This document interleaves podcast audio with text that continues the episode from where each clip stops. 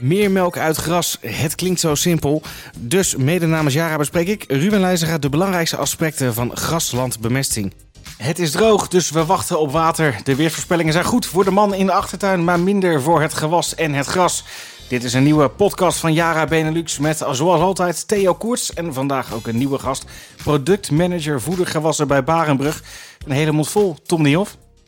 Ja, dat klopt inderdaad. Ja, en ook de handen vol. Vertel. Nou, het is wel dynamisch, uh, de wereld van gras en, uh, en de wereld van uh, ruwvoer. Omdat we nu voor het derde jaar op rij haast te maken hebben met, ja, met droogte. En die droogte speelt ons parten in, um, in het inzaaien, in het doorzaaien, maar ook al in het aanstaande maaimoment wat eraan zit te komen. Want de verwachting is dat er de komende twee weken ook geen water komt.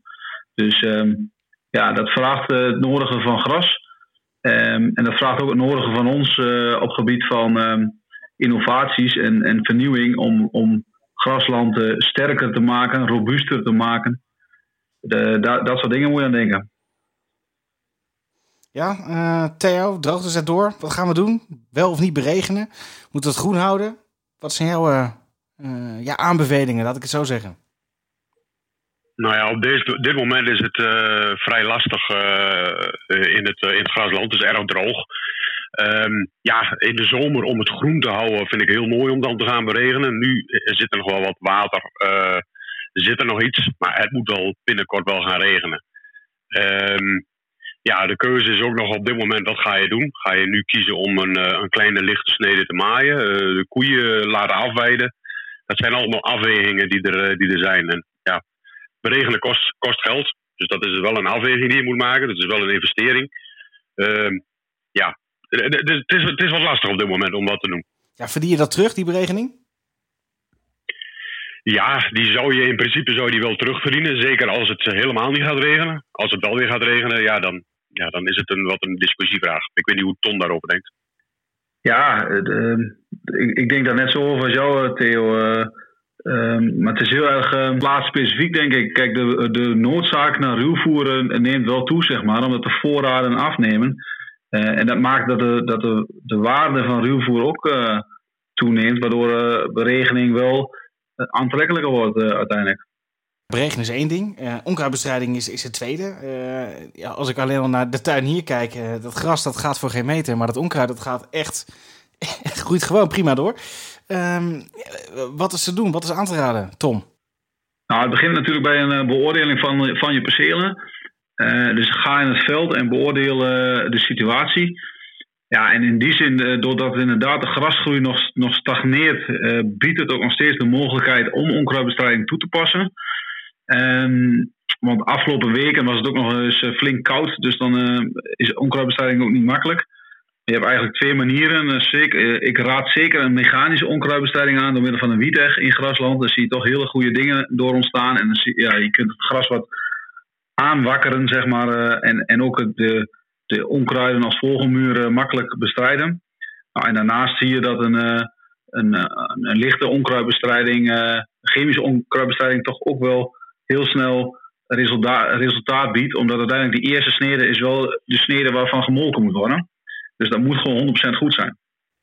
Hoe denk jij erover, Theo?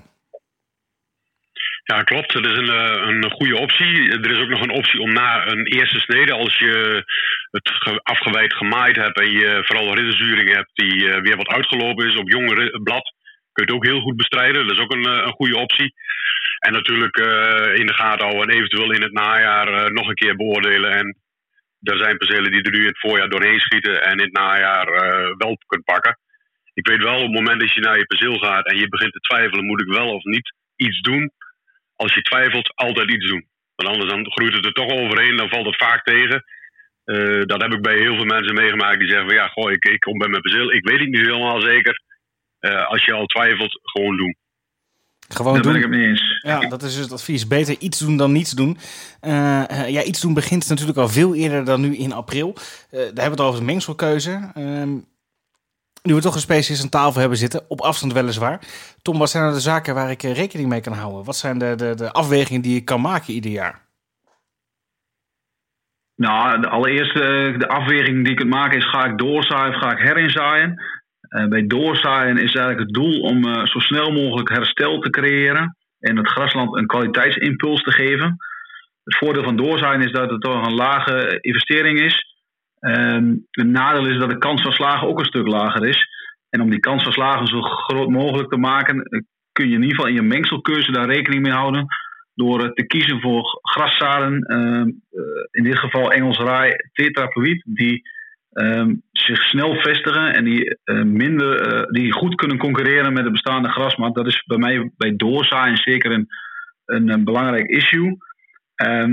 Daarnaast uh, bij mengselkeuze, zeker als het om, herinzaai gaat. Want ja, het is wel zo, op het moment dat je slechts uh, eh, 60% goede grassen hebt, ja, dan is eigenlijk de afweging om uh, herin te zaaien. De kans van slagen bij herinzaai is sowieso groter.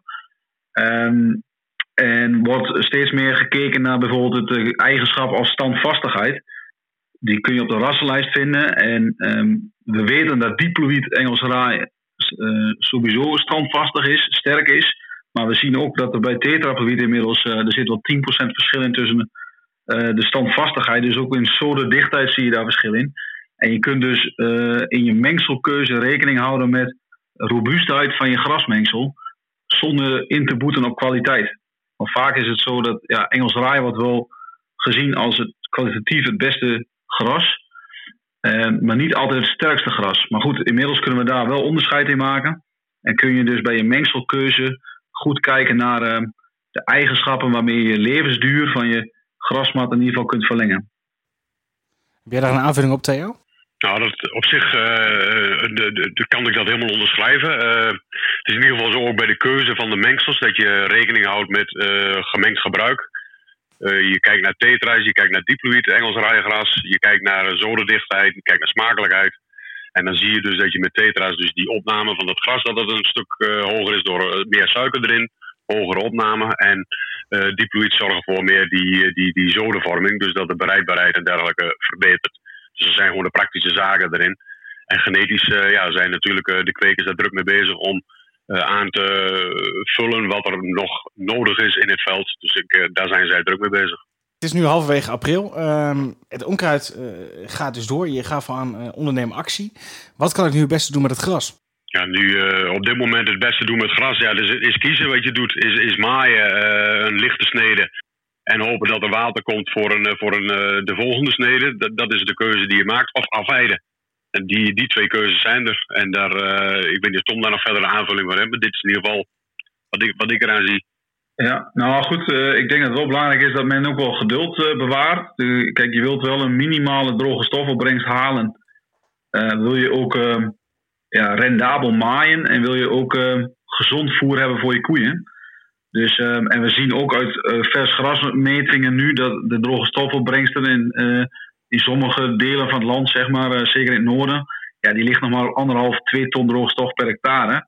Dus ja, dan is maaien in, op dit moment geen optie. Um, dan zou je eerder kunnen kiezen voor bijvoorbeeld weiden. Maar ik denk in ieder geval dat uh, geduld uh, in deze toch belangrijk is. En we hebben ook andere jaren gezien dat gras een enorm herstellend vermogen heeft na droogte. Um, waardoor ja, er niets anders op zit dan uh, dit even, even aanzien. En, en eventueel beginnen met weiden, zoals Theo ook aangeeft. Ja, als ik nou toch kies om ervoor te maaien, waar moet ik dan rekening mee houden, Theo? Nou, in ieder geval waar je in ieder geval goed rekening mee kunt houden is uh, met de maaihoogte. Dat is toch ook een issue waar uh, redelijk veel over gepraat wordt. Uh, niet te kort maaien, dat is een, een ding. Als je wat langer maait, herstel is wat sneller. ook het verdrogen is wat, gaat wat minder snel. Je hebt als het ware een beetje parapluwerking op de bodem. Dus je houdt als het ware hou je het een beetje een, een, dekentje over. Ehm, ja, dat zijn toch wel dingen. Ook kwaliteit wordt er zeker niet slechter van door iets langer te maaien. Dus dat, dat zijn wel dingen om, om rekening mee te houden. Dus uh, die 4 centimeter uh, maailengte mag rustig wat langer. in korte sneden gaat het zeker heel goed. In hele lange sneden wordt het wel eens lastig. Omdat je dan moeilijk kunt maaien, omdat het dan vlak gaat liggen. Maar zeker als er korte sneden zijn, en wat Tom ook zegt, voor Noord-Nederland momenteel staat er nog lang niet genoeg gras. Dus daar geduld hebben is een goede zaak. Er zijn ook plaatsen in Nederland waar al wel meer gras staat. Dus daar kan wel overwogen worden om eventueel gaan maaien. Ja, en als ik nou kies voor beweiden, Tom, wat voor uh, gras is daarvoor het meest geschikt? Nou, bij bewijden is, uh, is smakelijkheid een van de belangrijkste kenmerken. En is ook een heel moeilijk kenmerk. Dus eigenlijk ehm, wil je hebben dat de koeien maximaal opnemen. En nou, dat, welke grassen zijn ervoor geschikt? We weten uiteraard dat Timothée het meest smakelijke gras is. Ehm, dus dat zien we graag in een weidemengsel terugkomen. Daarnaast zien we ook dat uh, tetraploïd, uh, Engels raai, zoals Theo terecht aangeeft, ook over het algemeen tot een hogere opname leidt dan diploïd, Engels raai, dus graag een mengsel met tetraploïd erin. En ook zien we dat aanvullingen met klavers en kruiden beide ertoe leiden dat, uh, dat het opname bij weiden stimuleert. Nou, en als laatste wil ik nog even aanvullen dat we ook steeds meer kijken naar de bloeidatums van gras. Mhm. En op het moment dat je die bloeidatum dicht bij elkaar liggen uh, van het mengsel, dan zie je eigenlijk dat het gras minder gaat schieten. En schieten zorgt allereerst voor een lagere voederwaarde tot 15%, maar daarnaast zorgt het schieten van gras ook voor een duidelijk lagere voeropname en smakelijkheid. Dus ook daar kun je op sturen in je, uh, in je grasmengselkeuze. Gaat, de, gaat, gaat, gaat de, de, de keuze van het mengsel hand in hand ook met uh, de bemestingsstrategie, Theo? Of zijn er toch echt twee zaken die je heel erg los van elkaar kan, uh, kan zien? Nou ja, je, het goed bemesten en het smakelijke hebben van gras is belangrijk voor gezonde koeien. Gezonde koeien, dat is in ieder geval, als ze veel ruwvoer opnemen, dan kunnen ze ook gezonder zijn. En daarbij uh, schieten mijn gedachten natuurlijk naar de tweede snede toe. Uh, de eerste snede is bemest, maar richting de tweede snede. Om dan toch weer uh, richting de, de meststoffen te kiezen die onder andere selenium bevatten voor de gezondheid van de koeien. Dat is iets wat bekend is. En ja, de zwavel voor een tweede snede is natuurlijk ook van belang. Dus ja, dan komt de keuze van mij zou dan richting een weidesulfan zou dan uitkomen om alle dingen te combineren. Voor, dat is nou in ieder geval voor de tweede snede. Omdat die zwavel toch ook nodig is voor de tweede snede voor een optimale groei. Ja, dan uh, spreken we over het nu. Um, het nu van, van Barenbrug, dat uh, in ieder geval op kantoor bij Barenbrug, dat is natuurlijk het nu van de toekomst. Wordt dagelijks keihard gewerkt om het gras van de toekomst te ontwikkelen. Um, waar bestaat het uit, Tom? Kun je ons een kleine, kleine inkijk geven in hetgeen wat jullie doen om te zorgen dat het gras van ja, 2022, 2023, 2025 nog smakelijker is of nog meer droge stof biedt in vergelijking met nu? Ja, dat doen we natuurlijk aan de hand van al onze uh, rasselecties. Dus het duur, in, in, die zin zijn we natuurlijk met onze, op ons kweekbedrijf bezig om de juiste grassen door te ontwikkelen. Ehm, als het dan om robuustheid gaat, dan kunnen wij daarop selecteren door onder andere door middel van droogte te simuleren. dat hoef je op dit moment bijna niet. Maar goed, wij hebben dus droogtekassen waarin we eigenlijk selecties toepassen op welke grassen zijn robuust onder droogteomstandigheden. Um, maar we, kunnen ook uh, met, met een techniek uh, kijken naar de mineralenefficiëntie van gras. Dus we kunnen ook selecteren op welke grassen kunnen met minder mineralen, dus met minder stikstof of minder fosfaat toe en blijven produceren. Dus daarmee proberen we de komende jaren uh, onze genetica te verbeteren. Dat is één. Het tweede is dat we in onze mengselkeuze ook inspelen op, um, op de situatie uh, in de markt. En daarmee eigenlijk ook kijken naar een stukje robuustheid van mengsels, maar ook daarnaast de opname. Uh, dus wat je zegt, een goede smakelijkheid, verteerbaarheid van het gras. En dat kunnen we onder andere uh, toetsen en monitoren door ook opnameproeven te doen met koeien.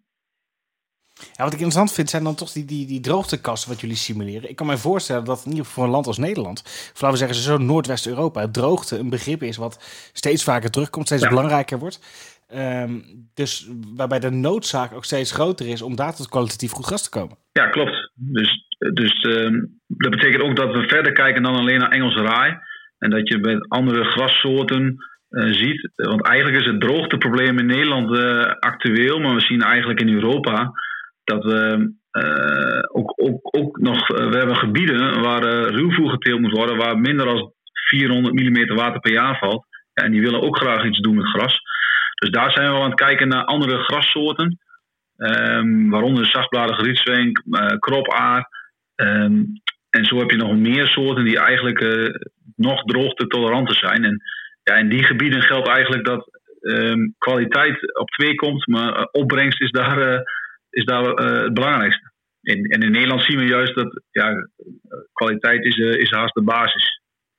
Ja, toch wel heel anders dan bij meststoffen, Theo. Dat klopt. Dat klopt. Het is, met meststoffen kunnen wij wel dingen rekening houden, maar over het algemeen zitten we toch met onze vaste producten. qua ontwikkeling houden we natuurlijk wel rekening mee, ook met de hoeveelheid die gemest moet worden, mag worden.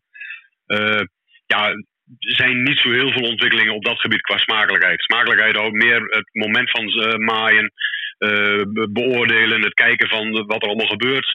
Wat gebeurt er in die ondergrond? Hoe is mineralisatie? wat komt er vrij? Je kunt altijd nog met de, de, de Kraas N-app kun je nu, dat is nu op dit moment ook nog heel actueel, zeker nu het droger wordt. Je houdt heel goed rekening met, met mineralisatie, dus daar kun je ook nog dingen uithalen. Dus dat kan allemaal helpen in beslissingen die je maken moet. Ja, tot slot weer even terug naar vandaag de dag. 16 april. Het is warm buiten. Het is droog buiten. Uh, beregenen is een vraagteken. Maar je het moraal van het verhaal is toch wel... iets doen is beter dan niets doen.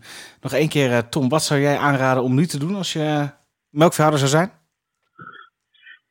Ik zou in ieder geval zeker nu ehm, minimaal uh, één tot twee keer in de week uh, door de percelen heen lopen om een gevoel te krijgen bij de groei. Uh, om zodanig vast vooruit te lopen op het optimale maaimoment wat er aan zit te komen. En dat is gewoon een kwestie van gevoel kweken. Dus één tot twee keer een ronde maken en de groei beoordelen. Dat zou ik nu doen. Daar ben ik het helemaal mee eens. Eh, ik, ik, je kunt er nog een mooi woord aan hangen, een farmwalk van maken. Maar in ieder geval regelmatig achteruit de percelen in. Desnoods de hond uitlaten, maar maak er een vast ritme van. En net wat je zegt, gevoel krijgen met van wat er staat, wat er groeit en hoe het zich ontwikkelt. En daarop beslissingen nemen. Dus naast gras kweken ook gevoel kweken. Het is een mooie afsluiter, heren. Theo, uh, dankjewel voor jouw expertise. En Tom, dank voor jouw bijdrage aan deze editie van uh, de podcast van Yara Benelux. En wilt u als melkveehouder nou meer informatie over hoe u meer melk uit gras kunt halen? Check dan de website yara met een y.nl of uh, luister deze podcast en eerdere edities in uw favoriete podcast app. Heren, dank u wel.